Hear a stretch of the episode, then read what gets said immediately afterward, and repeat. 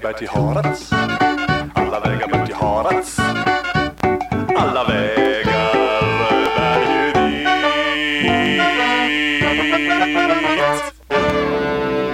Får jag säga välkommen till dig Jonas Selberg Augustén. Tack så mycket. Till våran lilla eh, bagarstuga i Lillån. Där vi har suttit förut och pratat med eh, folk. Mm. Eh, jag tänkte du skulle berätta lite grann där, för de som inte vet. Ja, nej men jag är eh, född och uppvuxen i Boden. Uh, 1974. Föddes jag där. Uh, och uh, har väl... jag arbetar med film. Manusförfattare och filmregissör. Sen ett 15 år tillbaka ungefär. Jag kom in på film filmandet så här ganska sent i livet. Alltså efter 30. Typ. Jag har fått för mig att du, alltså jag har fått för att du hade alltså jobbat in i byggbranschen ett tag. Jo, Visst var det så? jo det, det var där, eller det var min första, Ja. första karriär. Jag gick på byggnadsteknisk linje i gymnasiet och jobbade ett par år som snickare. Det var typ, jag hamnade, jag, jag kom precis ut i yrkeslivet när det var byggboom på Sävastön. Så det var ju mycket eh, nyproduktion, stora projekt. Nyproduktion Men, men gick du bygglinje här? i Boden ja. Mm. Och det, det är inte det roligaste sättet att börja arbeta som snickare. Jag, fick, alltså, jag stod och skruvade gips. Dag ut och dag in. Och det blir så fruktansvärt enahanda och tråkigt. Och har ju ingen hantverkstjusning över sig överhuvudtaget. Utan det blir som, det känns ju som att var på fabrik. Jag, jag har ju en liknande bakgrund. Jag jobbar ju som elektriker Ja, på byggen i Boden. ja, Och hamnar på de här stora byggena på, hos försvaret och Naja kabel. Och, Ja. eh, Kanske inte heller nej. så roligt. Men det var kanske inte min grej överhuvudtaget. Men Mm. varför jag tänkte på det här med byggandet. Det var ju det som du. Jag vet inte om man kan säga att du är mest känd för. Men här är det nog så att du är ju föregångaren till ett projekt. Som ett hotellprojekt. Mm. Utifrån din, en av dina filmer. En tidig, eller väldigt tidig film. Mm. Ja, det är väl... Man skulle väl nästan kalla, kalla det min första film som jag gjorde. Alltså det var ju... Uh, trä, dokumentärfilmen Trädälskaren började jag med. Eh, I princip så fort jag gick ut på, från Filmhögskolan. Så började jag med den. Och det var ju ett sånt här, egentligen ett sånt här projekt, once in a lifetime projekt. Det är som att man, man behöver ha ett sånt här stålbadsprojekt i, i begynnelsen. Du vet när man på något sätt, Uh, man på något sätt inte vet bättre. Utan det, det här ska bara göras och det, det är hur mycket jobb som helst. Och jag har uh, till dags dato aldrig jobbat hårdare med ett projekt än just det projektet. Alltså det, det, blev, ju- alltså det blev en långfilmsdokumentär på 76 minuter. Vi hade nog en...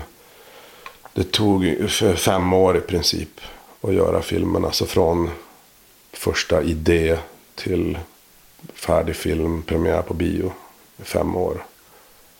Eh, naturligtvis då inte heltid alla de fem åren. Men, men det blir ju så här, alltså dokumentärfilm blir ju i regel, alltså, du jobbar ju med ett mycket mindre team. Ja, du- så man ser är ni tre stycken. Ja, vi var ju i princip, Det var du. det var jag och så två stycken kompisar som jag lärde känna på Kalix folkhögskola. Jag sökte till Kalix folkhögskola 99, deras filmlinje där. Och gick där ett år. Och därefter sökte jag till Göteborgs filmhögskola och kom in där och gick där i tre år. Men då lärde jag känna Andreas och Anders som jag gjorde filmen eh, tillsammans med. De lärde jag känna under eh, folkhögskoletiden. Och Andreas var då fotograf och Anders klippare. Och jag hade ju då regiambitioner sådär. Så vi tänkte, men 17, vi bildar en trio då och gör, gör vår första film tillsammans. Så. Och vi var, ju, vi var ju alla tre ganska gröna. Det var ju ett sånt där projekt som, som jag skulle säga att vi, det var vår förlängda filmskola. Alltså det var learning by doing. Vi, vi lärde oss undan för undan hur man gjorde på något sätt. Jag kan inte säga att vi visste så mycket om vad vi höll på med om jag ska vara riktigt ärlig. Och vi, vi filmade oerhörd mängd material. Jag har aldrig haft så mycket material någonsin. Alltså, jag vet inte hur många hundra timmar vi, vi har. Alltså jag har det var ju på den, man filmar ju på band då. Det var ju DV. Ja, just det. Uh, hade ju börjat komma lite högre definition. Men det var ju fortfarande sådana här små digitala band. Jag har dem där någonstans i något förråd. Alltså det är stor kartong med band. Och första versionen vi klippte ihop var fem timmar lång. Finns det något att få tag på? jag, tror att jag, jag tror att jag har den någonstans. Det, ska vara, det finns säkert På- några som... på en hårddisk. Nå, det finns säkert de som skulle vilja se den kan jag tänka mig. Ja. Inte minst i den här bygden. kom ut en sån här director's Ja, ja, jag är på direkt. Ja. Men jag tänkte den filmen är ju någonstans... eh, Det är ju väldigt många som kopplar ihop den med just med Triotel. Men Mm. det är ju bara en, en synergieffekt som ni förmodligen inte hade en... Eller som ni naturligtvis inte hade en aning om att den skulle Nej. bli den som var föregångare till hela det projektet. Men tanken... eh, Som jag så, så handlar det väldigt mycket om eh, både ja, rotlöshet Mm. på något sätt. Men det, hur, var, hur, hur, hur tänkte ni, när ni, eller hur tänkte du? För det var väl din idé? Mm. Ja, nej men alltså den... eh, Du säger ju någonstans att du, säger, du sitter med din mormor och säger något. Att Ja. ska jag bo i Stockholm? Eller, Ja. Du sitter där och grunnar. Och, Jo, men jag var ju relativt nyinflyttad uh, storstadsbo då. ja, du var det ja, just det. Och eh, hade väl lite så här uh, omplanteringsvantrivsel. Alltså det kan ju bli så att plan- planterar de en blomma så kan den må lite dåligt mm, till en början. Och sen tar den sig på, något vis. Det är den nya jorden som den reagerar på. på något Men det vis. var ju fem, ni höll på i fem år. Då har ju, Mm. Någonstans har ju den nya jorden, det har ju hunnit hända saker Ja. i, i ditt privata liv. Alltså, du har hunnit rota det bättre då mot slutet av filmen. Ja, Eller var det så jag, pass jag, lång jag tid? Behöver, jag behöver nog mer tid än så på mig. Men, men, jag skulle eh, säga att jag inte ens är där riktigt än. Nej, nej. Men hyfsat. Ja, jag har ju också gjort den där resan. Jag har Mm. varit bott i, i och ja, jag tycker nog att jag kan. Jag är nog lite anpass. Jag har känt att jag kan anpassa mig ganska snabbt. Men å andra sidan så har jag ju. Men det tror jag också du har varit ganska mycket här uppe i dina hemtrakter. Somrarna och så. Att vad? Att, Du har varit uppe och hälsat på. Du har inte liksom. Du har varit återkommande tillbaka jo, upp till jo, Norrbotten. jo, visst. Ja, men jag har ju... Jag, jag har ju... Jag åker ju upp ja, åtminstone två gånger per år. Alltså har det väl blivit. Alltså det blir ofta på kanske sommaren eller till jul eller nå- någonting sånt där. Så att så har det varit. Jag har aldrig varit... Långa avbrott. Nej. Nej. inte långa avbrott på flera år. Nej. Och jag har ju mina, ja, men jag har ju mina föräldrar kvar här. Men vad ville du att filmen skulle berätta? Så var, för mig berättar den om någon som... Ja, det är en massa saker. Ja. Den är ju en massa del, delspår också. Det pratas ju om skogen och människan. Och, Ja. Vad var det- urtank, uridén då? Det, fanns, det fi- finns ju som någon slags motto vi har i filmens början som är hur, hur, hur stor måtte eh, inte den harmoni vara som vi saknar.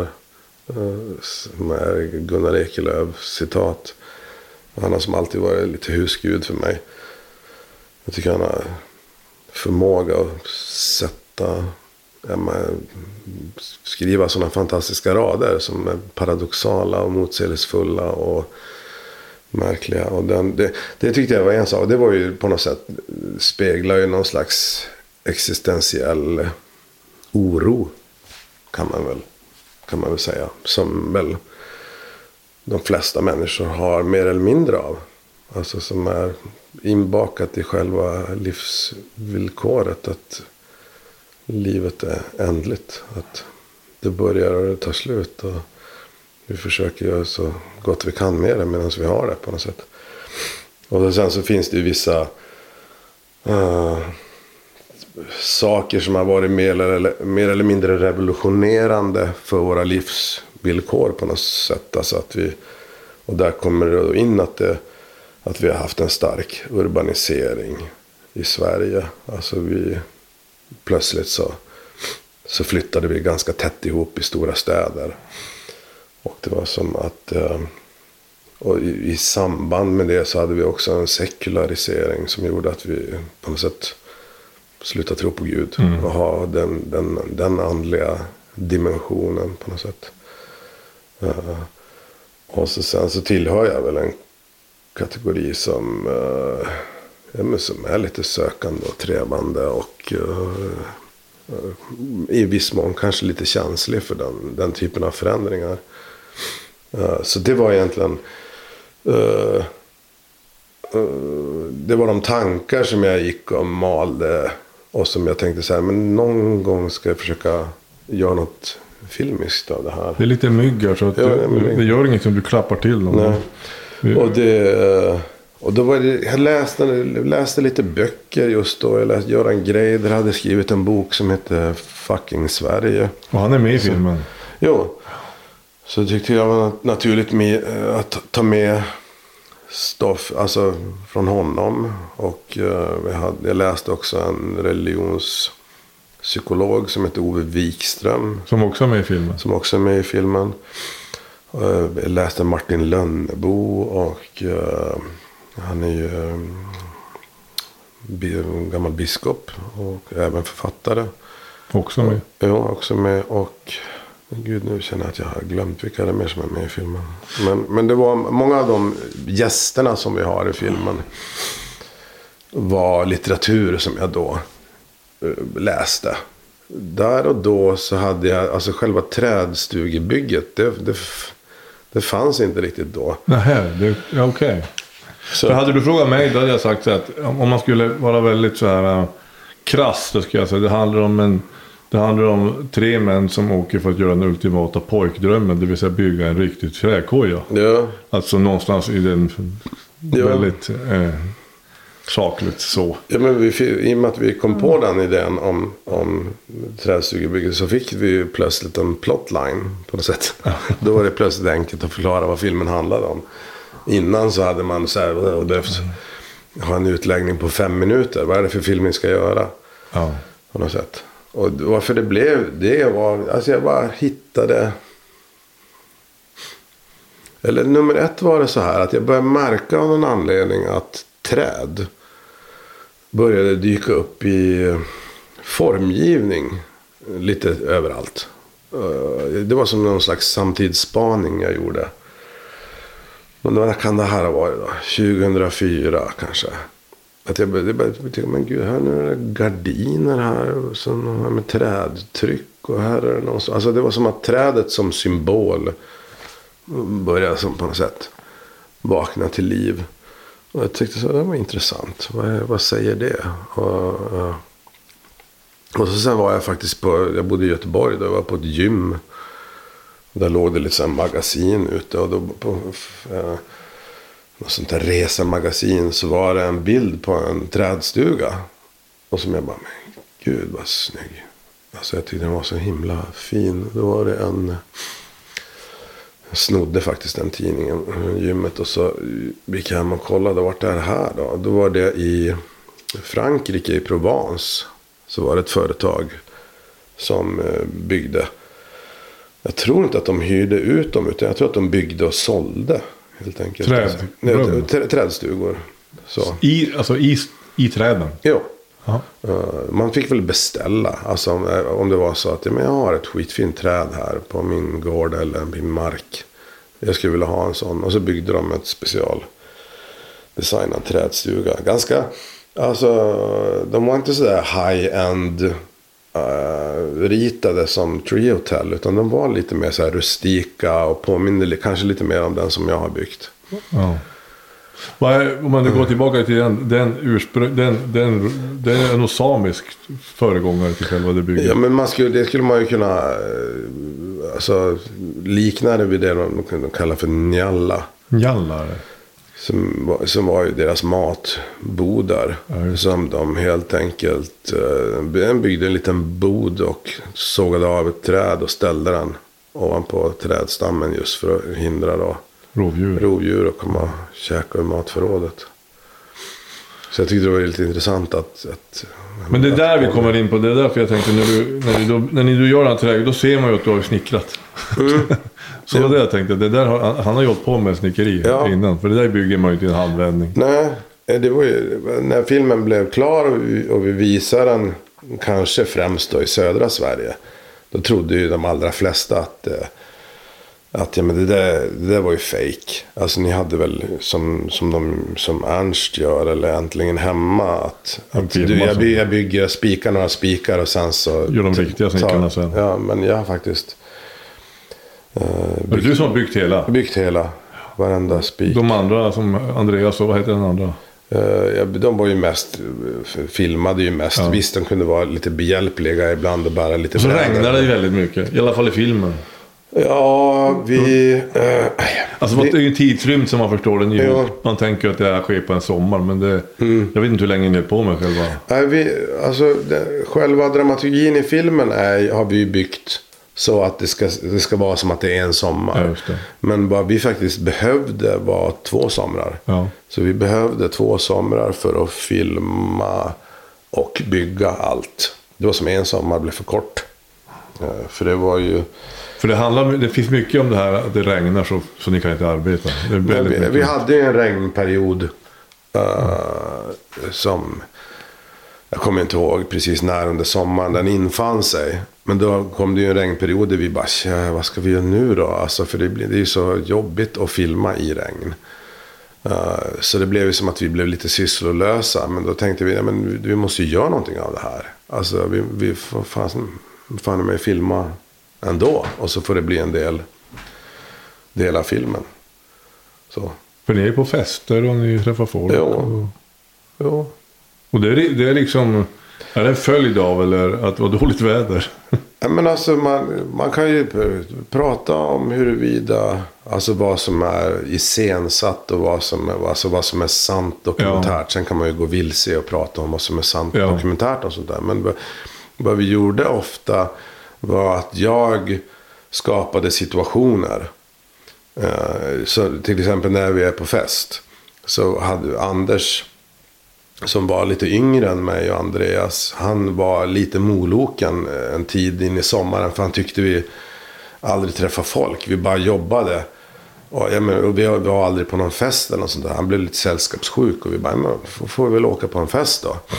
Och då ringde jag några kompisar. Men har inte ni någon fest på gång snart? Jo, men på fredag ska vi ha en fest. Ja, men får vi komma dit? Ja, visst. Får vi ta med kamera? Ja, men det går bra. Så då, då alltså ingenting av den själva, det vi gör på festen är iscensatt. Men själva festen är ju, är ju någonting som jag har sett till att ja, men vi ska åka på en fest och vi ska ta med oss kamerorna. Sen blir det vad det blir. Ja, jag förstår. Ja. Jo, nej, det är sant. Det kan inte, vad som är iscensatt och vad som är Mm. eh, dokumentärt. Det måste glider ju liksom ihop. Ja. på något sätt. Det går, annars blir det ju ingen, Nej. annars blir det ingen film. Det gör du väl också ett besök hos Öyvind Jonsson? Mm.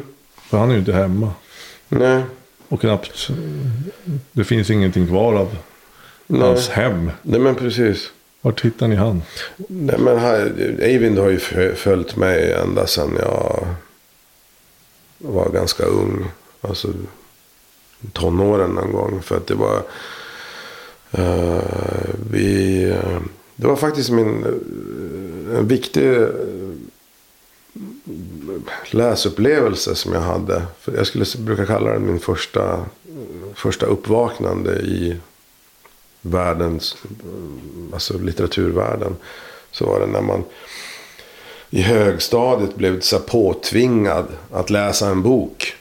För jag hade inte läst så mycket böcker innan dess. Och eh, då fick man välja. Då var det arbetarförfattare. Så vi fick några stycken som vi fick välja mellan. Och då valde jag nu är den 1914 för att den var ganska tunn.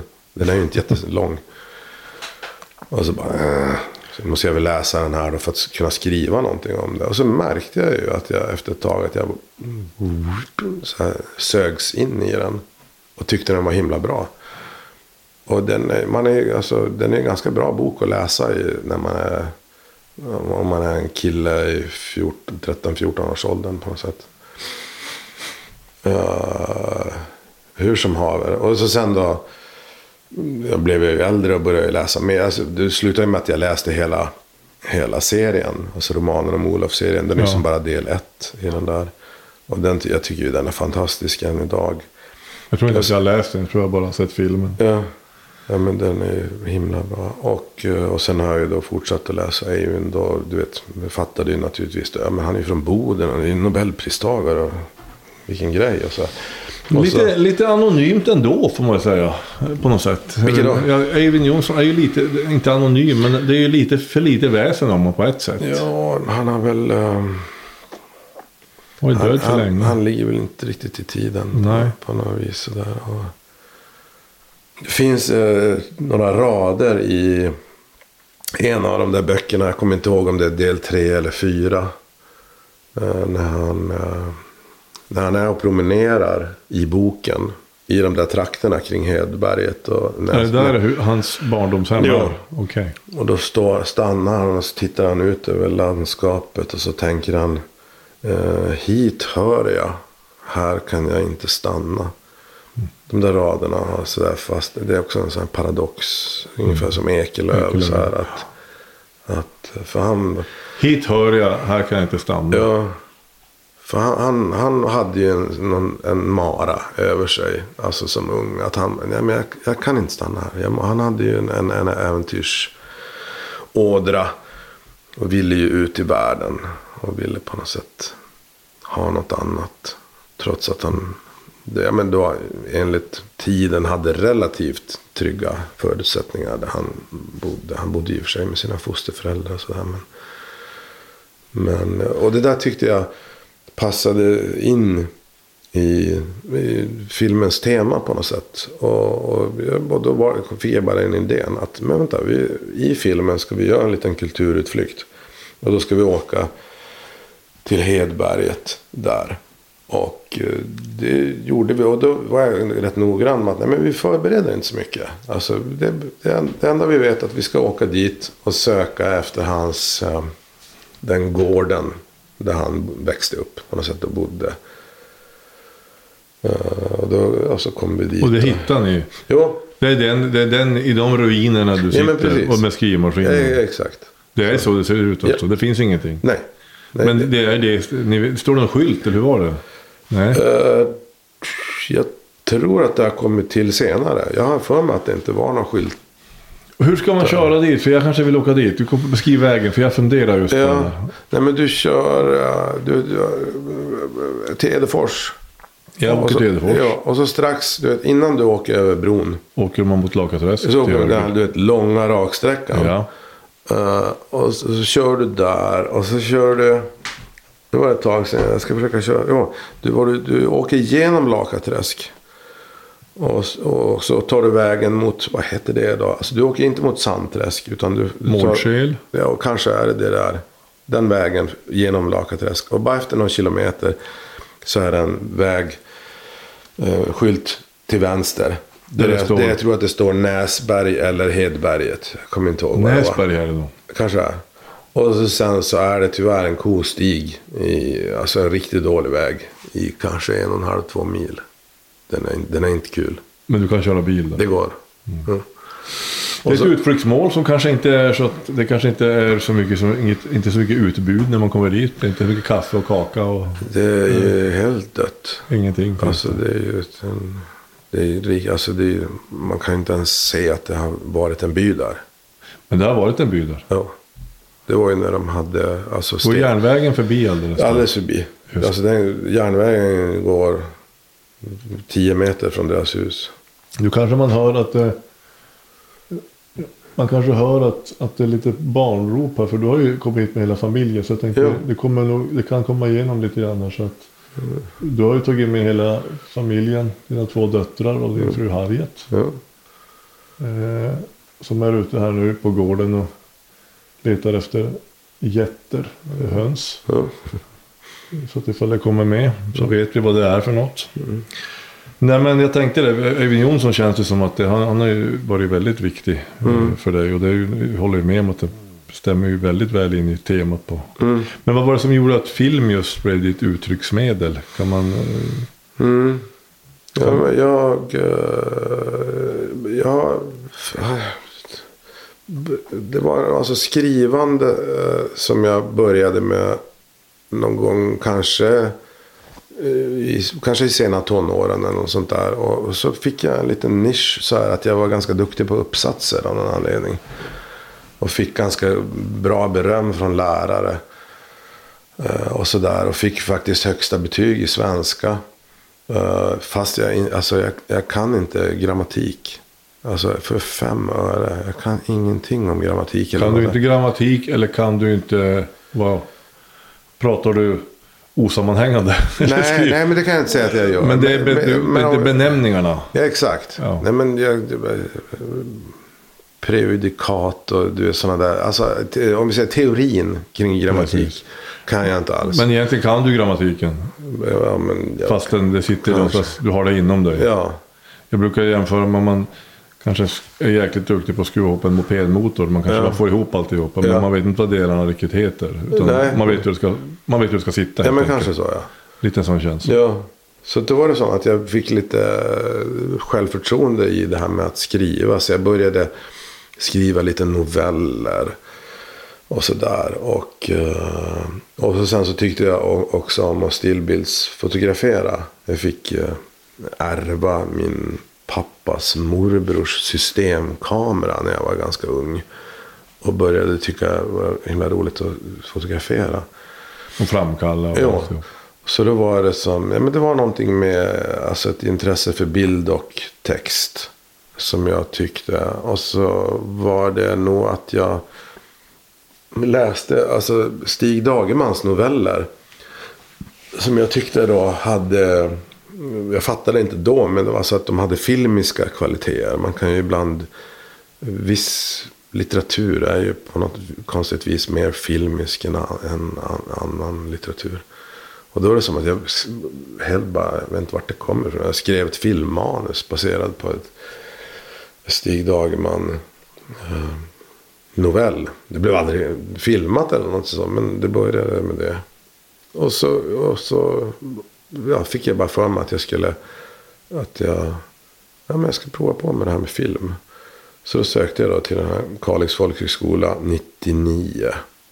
Och, eh, och var nog lite udda fågel när jag kom in där. För att jag var den enda som inte hade någon som helst filmerfarenhet. Alltså jag hade aldrig rört en videokamera. Och nu börjar det ju... Eh, alltså i och med digitala revolutionen så där så är det ju Alla som är filmare. Ja men precis, att många börjar ju filma väldigt eh, tidigt. Så, så jag, jag visste verkligen ingenting om det filmiska eh, berättandet. Och Så det var egentligen skrivandet eh, så primärt var det det. Ja. Och, och, sen, och sen har jag väl un, undan för undan alltså, lärt mig mera om, om den filmiska. Man kan ju säga att film har ju en grammatik. Det kan man ju verkligen säga. Alltså filmen, film kan ju se ut på så oerhört många sätt. Och där man pratar om filmens språk och bildspråk. Och, och, och det är ju... Det finns ju snudd på oändliga berättarmöjligheter i mediet. Alltså man kan ju...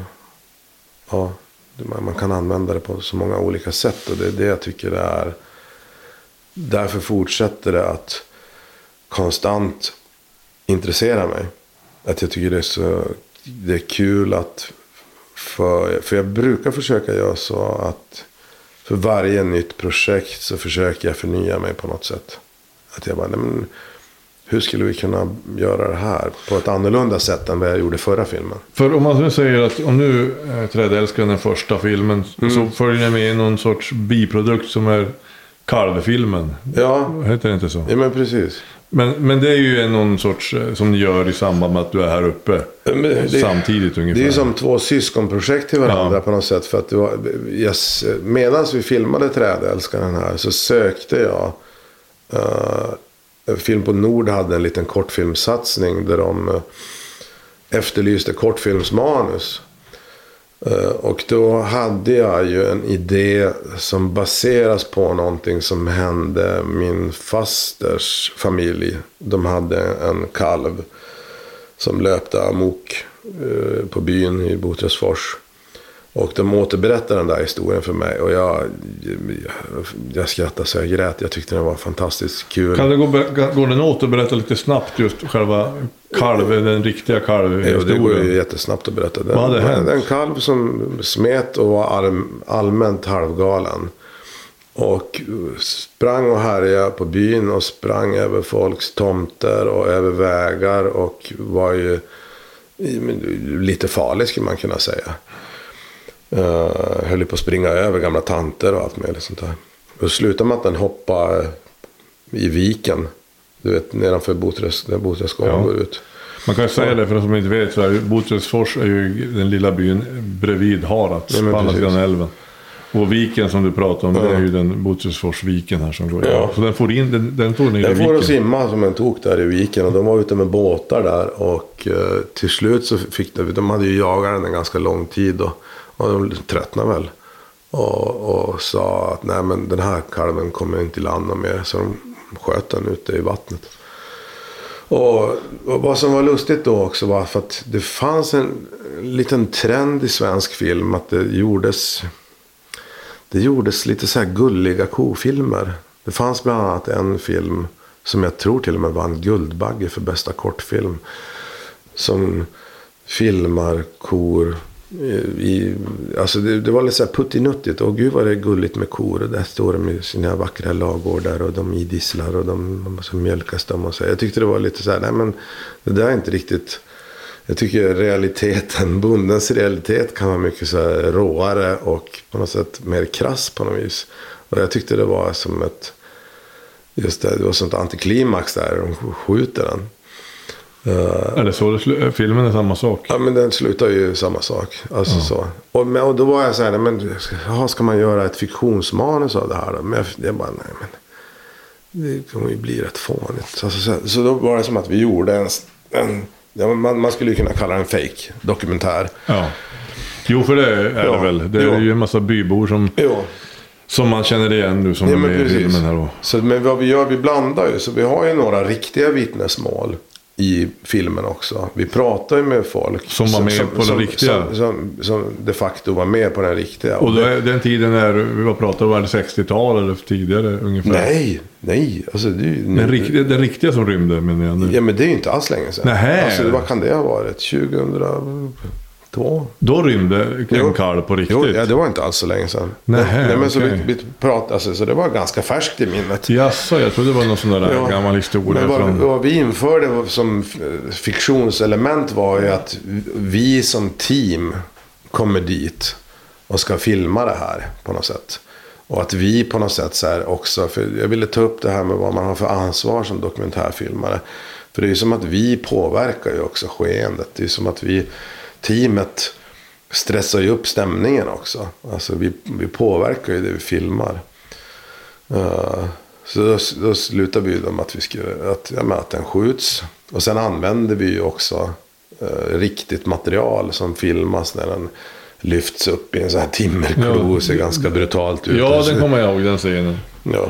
Och det, sen vad som var lustigt var att vi, vi gjorde den nästan lite för bra.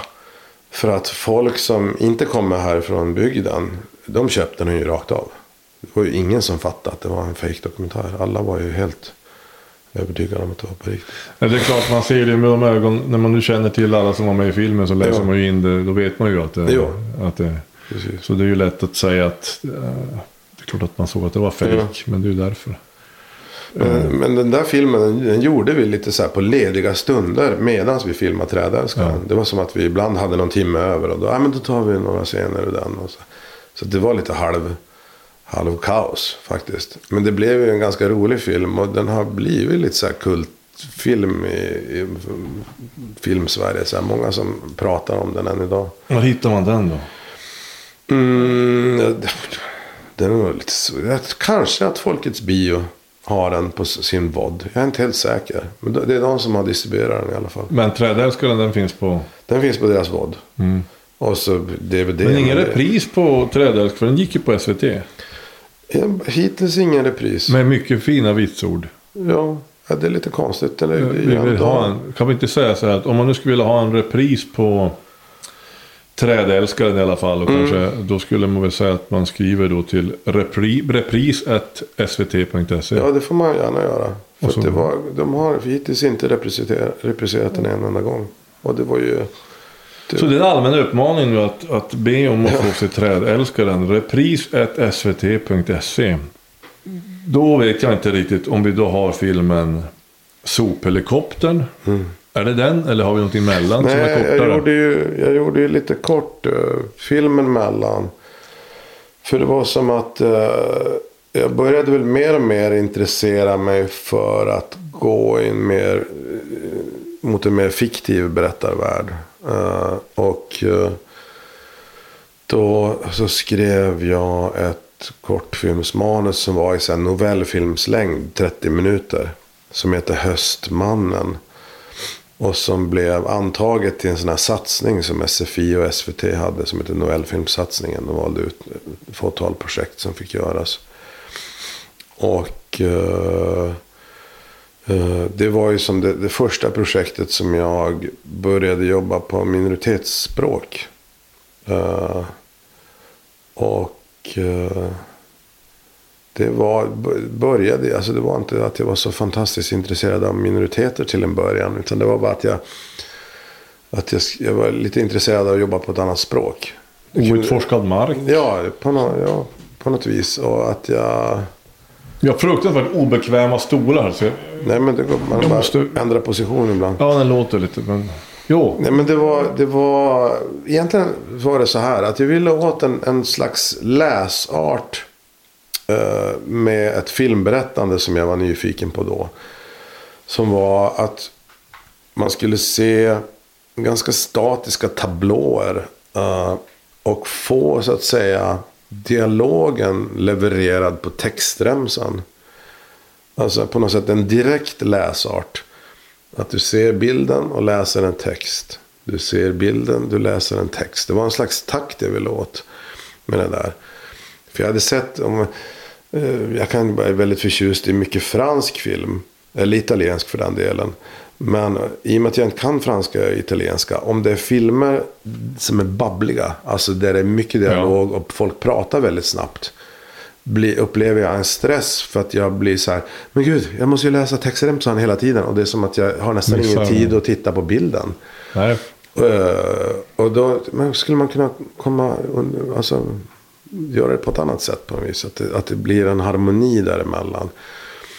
Och, och då Att man var... är hela tiden medveten om att det kommer en löpande text Ja. i bildspråket. Ja, men och, exakt. och inte att det kommer som ett, Nej. ett nödvändigt ont. Nej, precis. Och, och eh, då hade jag varit uppe en del i Tornedalen och blivit lite förtjust i landskapen. Alltså kring Övertorneå där kring. Och som jag tyckte passade väl eh, överens för den här, det här manuset Höstmannen. Och så bara, men vänta, det är ju Tornedalsfinska i, i Tornedalen. Vi, vi gör den på meänkieli. Uh, och då var det lite sådär också. jag- Det var inte sådär jätte... Nu har ju, har ju min, alltså minoritetsspråk och film har ju kommit till ytan ganska mycket. Alltså det pratas ju ganska mycket om det. Men då var det ganska tyst om film på minoritetsspråk. Så vi, vi var som lite halvpionjärer där. I att göra den där filmen. Och, och så sen så visade det sig att det blev väldigt lyckat. Och den eh, gick på festivaler över hela världen. Och vann priser och allt möjligt. Så att det blev att jag blev lite taggad av det där arbetssättet. Och så gick jag också och hade en gammal idé till en kortfilm som rörde sig i, alltså, i en samisk berättartradition kan man säga. Och då föll det sig som naturligt att men nu har jag gjort en film på, på meänkieli. Ja, men då gör jag en kortfilm på samiska. Eh, och den heter Myrlandet. Ja, just det. Myrlandet. Ja. Vill du ha lite kaffe? Eh, jag har ju här, men det har ju fasen kallnat Ja, men det där, vänta, vi, där tar vi heller bort. Mm. tar vi heller bort det där kaffet. Kall. Det är som att jag bara börjar babbla här, så glömde jag bort kaffet. Vi får dricka kaffe också. Sådär. Vi se. Jag tror vi har varmt i termosen. Vi har ju delat tack, tack. upp oss. Nu sitter ju... Vi har ju delat, delat upp oss. Nu sitter ju de och, och fikar ute och vi får vara här i fred och, och tog med oss en liten termos. Eh, sådär, Myrlandet. Jo. Och då var det som att det, det var som ett litet pärlband som la ut sig av sig självt faktiskt. För det var då så här, den här filmen på meänkieli, en gammal idé, uh, samiska. Och så sen så hade jag också en gammal idé som var eh, en road movie genom Sverige. Det var vad jag hade. Jag ville ha tre personer ska göra, eh, ska göra en bilresa. Som gör ungefär den resan som jag har gjort. Alltså säg någonstans från, från Norrbottens inland och ner till Stockholm. Och då bara, men mm, resande folket. Romani. Blir perfekt. Du vet på något och, och det blev då sedermera Sophelikoptern. Kan man förklara varför det heter Sophelikoptern utan att förstö- spoila filmen? Ja, men det, man, man kan ju ta vart det kommer ifrån. Ja. Alltså att det, var som, det var en... Det var återigen då min husgud Gunnar Ekelöf. Som skrev en dikt som hette Till det folkhemske. Sådär. Och som väl var en... en ti, alltså, han var en ganska tidig folkhemskritiker. Alltså som... Eh, som ganska tidigt såg att det fanns vissa avigsidor i folkhemsidén. Att det, var, det fanns sidor av den som kunde vara uh, lite exkluderande. Uh, och dra åt det konforma hållet. Att vad, vad, vad är det här för samhälle som ni, som ni vill skapa? Den här utopin. Är inte det ganska likriktat? Är ni, är ni helt säkra på att alla vill ha det så här? Är ni säkra på att alla kommer passa in?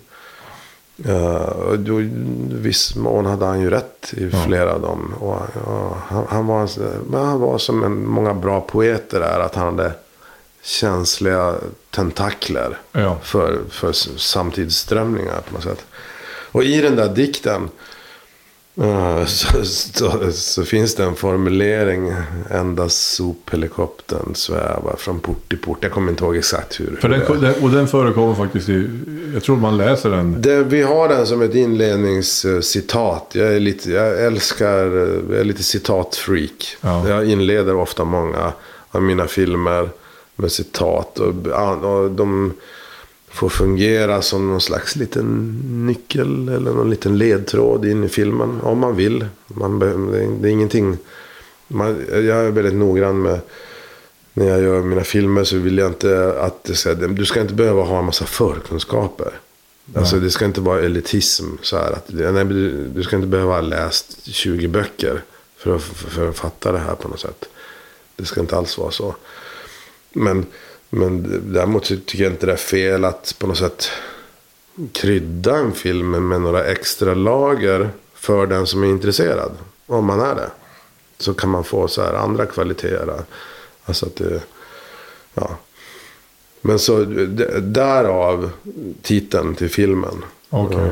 Deras uppdrag är egentligen att de ska leverera någonting. Jag kommer inte ihåg vad det är. Mm, så, Ta. Bänkklocka. En klocka ja. Ja, ja precis. Ja. Den där som sitter uppe på väggen. En väldigt, eh, jag tycker den är ju den är fantastiskt rolig.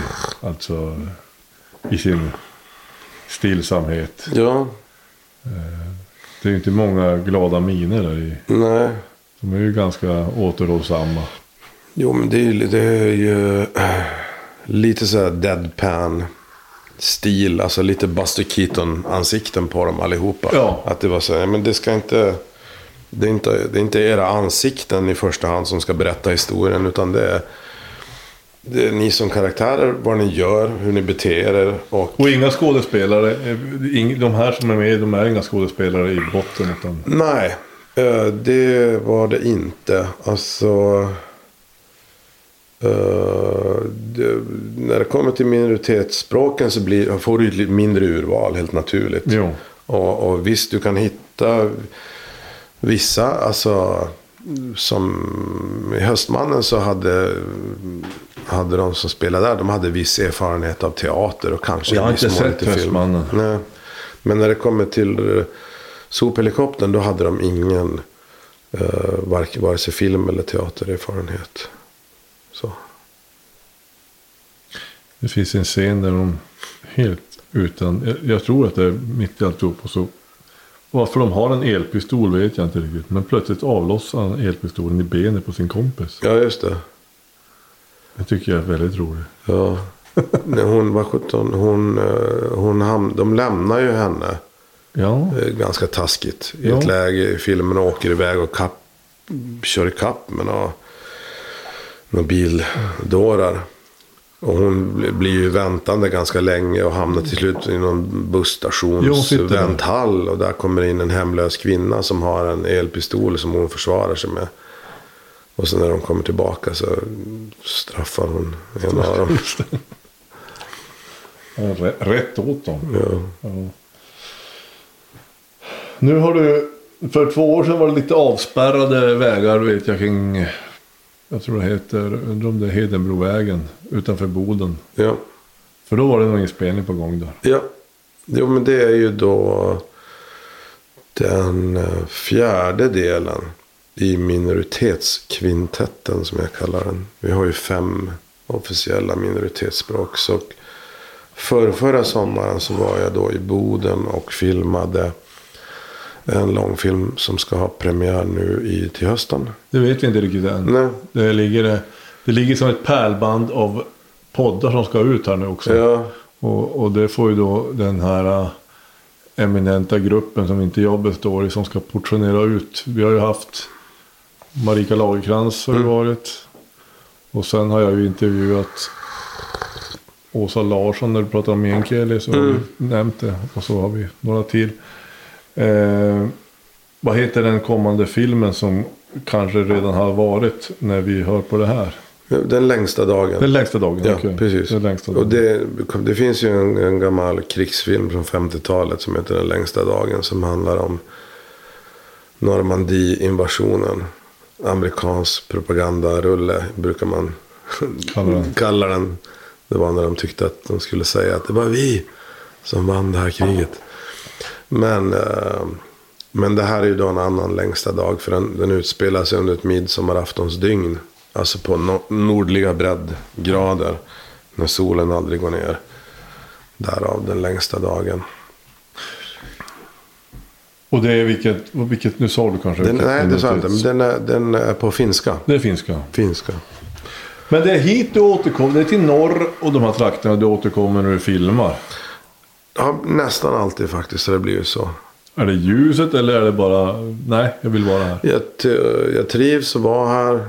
Jag, jag tycker det är ett skönt produktionsklimat. Alltså, och det är en härlig plats att vara på. Alltså, sådär. Så att jag tycker det är win-win på alla, alla lägen. Alltså, det är, eh, det, jag har någon gång filmat i Stockholm och det är inte kul. Alltså, för det, det blir väldigt bökigt. Alltså det är tungrot. Alltså med transporter och eh, byråkratiskt och jobbigt. Alltså så här, det, jag tycker det är skönt. Jag har filmat det mesta av mina filmer eh, i Bodens kommun. Varvid jag har filmat, nu ska vi se.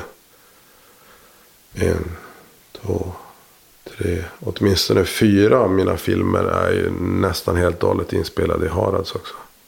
Alltså sop, sophelikoptern, det låter ju lite lustigt i och med att det är en road movie genom Sverige.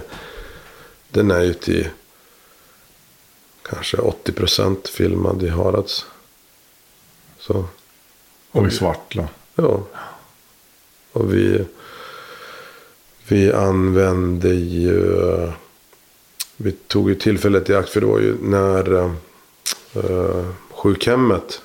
Uh, nu står det still. Vad heter det? Nej, Menar du, eh, menar du Edestrand eller Edestrand. Edestrand.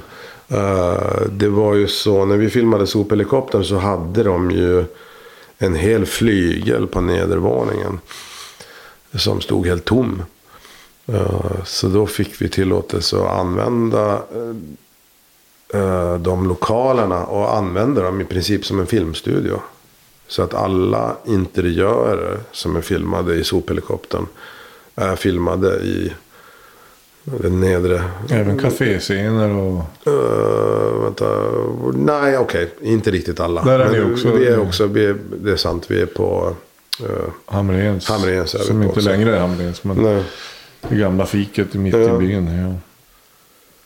Jaha, ja. Så, för där återkommer ju också en del eh, karaktärer och ansikten och bondgårdar. Ja, Från kallfilmer. jo, men visst. Det är klart att jag återanvänder ibland sådär. Det är bra med lite recycling. Att, Ja. det, att det, de, ett visst antal personer som jag lärde känna när vi filmade Kalven och Friheten använde jag också i mindre roller i sophelikoptern. Och Robert Nilssons eh, bondgård återvände vi till. Och han är ju väldigt... Du har återvänt mycket till Harads för att du har ju varit här mycket då och filmat och Mm. lärt känna lite folk. Eh, blir det några mer filmer tror du? I För nu är, ju, nu är ju allting gjort det här som du pratar om. Eh, den längsta dagen är ju... Ja, jag har ju faktiskt en film kvar. Som, som, som nog inte... Den självklara platsen kommer nog inte bli Harads för den filmen. Jag, alltså, Trots det, att... det, det sista... Min, Trots att trots att... alla vägar. Men, det- vi tar det, vi, vi fortsätter med nej, men vi, jag har ju faktiskt jiddisch kvar. Ja, just det. Och jag vet inte, jag, kommer, det kommer att bli svårt att hitta någon naturlig förklaring ha det i Harad. Men jiddisch, alltså hur, hur, hur, hur litet, hur många talar jiddisch? Ja, det är inte så många. Det är det minsta språket. Jag, jag tror att vi, det är bara några tusen. Och det är ju i regel eh, äldre personer. Eh, det har ju dock blivit det. Alltså, det här med minoritetsspråk har ju, har ju som återaktualiserats ständigt och ständigt. Och det, det blir mer av den yngre generationen som börjar eh, backa bakåt. Och börjar intressera sig för sina morföräldrars eh, vardagsspråk. På något sätt, hemmaspråket. Så att det, det, det finns ju kurser och mer ungdomar börjar intressera sig för det. Jag är lite nyfiken på, om man nu säger romer, men sen har vi ju resande. Mm. Det är ju som en liksom försvunnen grupp. Mm. Som man en gång i tiden kallade ganska, väldigt, väldigt nedsättande för tattare. Mm. Och det är ju ett folk, resande folket. Mm.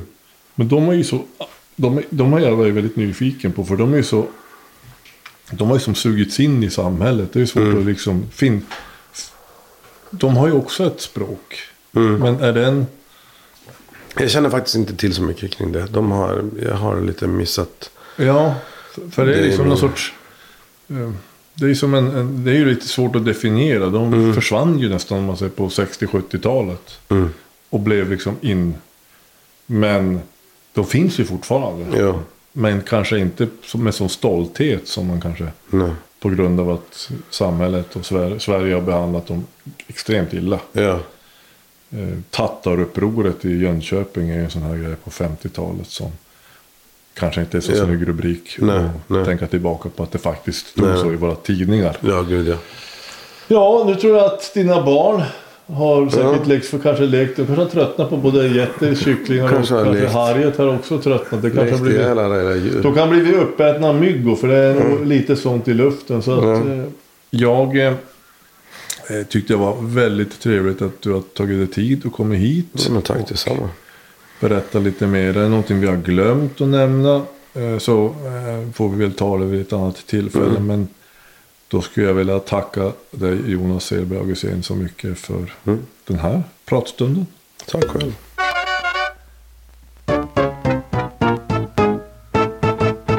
Alla vägar bär till Harads. Alla vägar bär till Harads.